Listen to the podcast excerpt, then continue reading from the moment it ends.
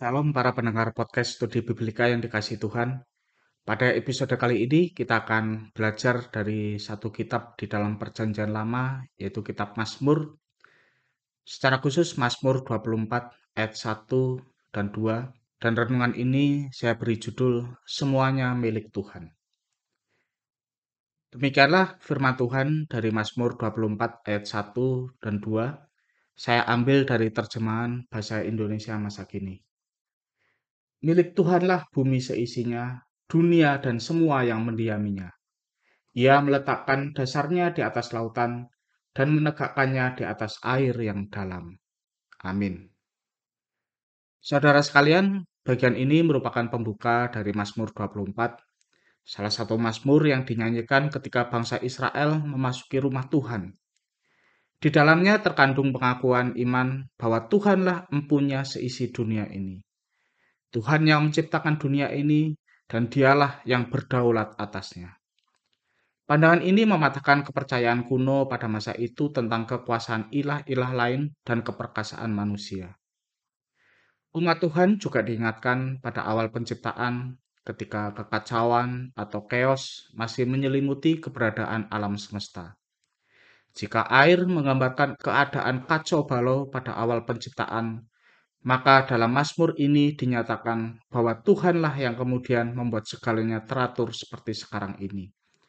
Kita dapat membaca dari kejadian 1 ayat 2, Bumi belum berbentuk dan kosong, gelap gulita menutupi samudera raya, dan roh Allah melayang-layang di atas permukaan air. Pada awal penciptaan, bumi itu belum terbentuk secara teratur seperti sekarang ini. Jadi pengakuan iman ini juga mematahkan banyak filsafat dunia yang tidak sesuai dengan Alkitab. Misalnya, pandangan yang menyatakan bahwa bumi terjadi secara kebetulan. Tidak perlu adanya Allah yang menjadikannya.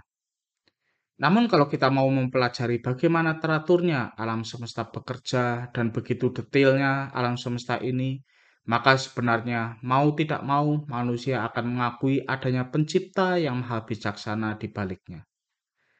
Seorang teolog yang juga ahli sains, yaitu Alistair McGrath, memaparkan dalam bukunya yang berjudul A Fine-Tuned Universe bahwa jika keteraturan-keteraturan yang berlaku dalam hukum fisika sekarang ini diubah sedikit saja, maka alam semesta akan kacau balau. Ada rancangan keteraturan yang sangat detail hingga tingkat atom. Sungguh naif jika seorang yang baru mengetahui ilmu pengetahuan secuil lalu menyombongkan diri dan tidak mau mengakui keberadaan Allah. Lalu, apa dampaknya bagi kita sebagai orang Kristen pada masa kini? Yang pertama, kita harus menyadari bahwa kita hanyalah penata layan yang diberi mandat untuk mengelola bumi. Kejadian 1 ayat 28 tertulis demikian, Allah memberkati mereka, lalu Allah berfirman kepada mereka, beranak cuculah dan bertambah banyak, Penuhilah bumi dan taklukkanlah itu. Berkuasalah atas ikan-ikan di laut dan burung-burung di udara dan atas segala binatang yang merayap di bumi. Bumi ini dan segala isinya sesungguhnya milik Tuhan, bukan milik kita. Pemahaman ini akan membuat kita hidup dengan cara yang berbeda dengan orang-orang yang tidak mengenal Tuhan. Betapa seringnya kita melihat orang yang merasa memiliki sesuatu sehingga mereka berpikir bebas menggunakannya sesuai dengan apa yang mereka mau. Akibatnya, terjadi ketimpangan di mana-mana dan bumi pun semakin rusak. Jabatan disalahgunakan, perusahaan dijalankan dengan prinsip pokoknya bisa mendapat untung entah bagaimanapun caranya. Dan teknologi dikembangkan dengan tanpa memperhatikan kelestarian alam dan martabat manusia yang diciptakan segambar dengan Allah. Saya teringat dengan guyonan yang mengatakan, belajarlah dari tukang parkir yang tidak merasa memiliki tetapi merasa dititipi. Semewah apa pun mobil yang diparkir, diparkirnya, seorang tukang parkir, dalam hal ini mungkin valet parking ya, akan mengembalikan kunci mobil kepada pemiliknya. Orang yang merasa dititipi Tuhan pun demikian. Dia tidak akan kecewa berlebihan ketika apa yang dimilikinya di dunia ini suatu saat hilang. Entah karena musibah, kejahatan, atau kematian. Serta dia juga akan menggunakan apa yang dimilikinya di dunia ini sesuai dengan kehendak pemilik sesungguhnya, yaitu Tuhan. Di dalam 2 Korintus 5 ayat 17, Paulus menuliskan bahwa orang-orang yang di dalam Kristus adalah ciptaan baru. Jika memahami konteksnya, kuasa kebangkitan Kristus tidak hanya melahir barukan hati manusia yang berdosa, tetapi juga memulihkan keadaan ciptaan yang tercemar dosa. Panggilan kita sebagai umat Tuhan adalah bekerja keras dengan konsep ciptaan baru itu selaras yang nantinya akan terwujud secara penuh ketika Kristus datang kedua kalinya. Wahyu 21 ayat 5 tertulis, Ia yang duduk di atas tahta itu berkata, Lihatlah, aku menjadikan segala sesuatu baru. Dan firmannya, tuliskanlah, karena segala perkataan ini adalah tepat dan benar. Contohnya apa? Contoh kecilnya seperti ini. Seorang pengusaha Kristen tidak akan mau mengeruk keuntungan banyak dari penebangan liar yang merusak alam karena itu tidak selaras dengan konsep ciptaan baru. Yang kedua, kita tidak perlu khawatir dengan apa pun yang terjadi di dalam dunia ini.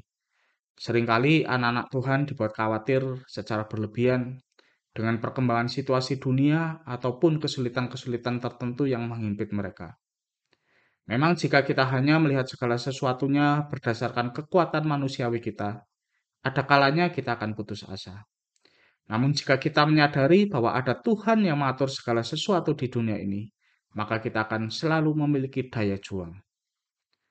Maka dari itu sangat penting bagi kita untuk menempatkan perspektif atau cara pandang ini dalam kehidupan sehari-hari. Jika selama ini kita merasa keluarga kita adalah milik kita sendiri, maka kita bisa terus khawatir. Bagaimana kalau saya tiba-tiba di PHK? Bagaimana kalau saya tiba-tiba meninggal sementara anak-anak masih kecil? Bagaimana kalau saya tidak mau menuruti keinginan bos untuk berbuat curang? Makan apa keluarga saya nanti? Tetapi jika kita menyadari bahwa keluarga kita adalah milik Tuhan, kita akan tenang dan bekerja sebaik-baiknya di dalam Tuhan. Tidak ada sesuatu yang kebetulan terjadi di dunia ini. Apa pun yang terjadi kelak, asalkan kita sudah bersungguh-sungguh, maka Tuhan sendiri yang akan menjaganya. Sebelum memasuki rumah Tuhan, bangsa Israel diingatkan bahwa Tuhanlah yang menciptakan dan berdaulat atas dunia ini. Itu membuat mereka menyiapkan hati dengan benar sebelum bertemu hadirat Tuhan. Demikian pula, hendaknya melalui Mazmur ini, kita mengorientasikan seluruh hidup kita untuk hidup dengan cara yang berkenan pada Tuhan. Amin. Dua pertanyaan untuk direnungkan. Yang pertama, Adakah hal-hal yang selama ini Anda lakukan yang masih menyiratkan bahwa Andalah pemilik segala sesuatu, bukan Tuhan? Apa pengaruhnya terhadap cara hidup Anda? Yang kedua, bagaimana penerapan pemahaman dari bagian ini terhadap cara pandang Anda dalam mendekati fenomena berikut? Fenomena aborsi, seks pranikah, media sosial, kecerdasan buatan, dan yang terakhir, eksplorasi luar angkasa. Tuhan memberkati.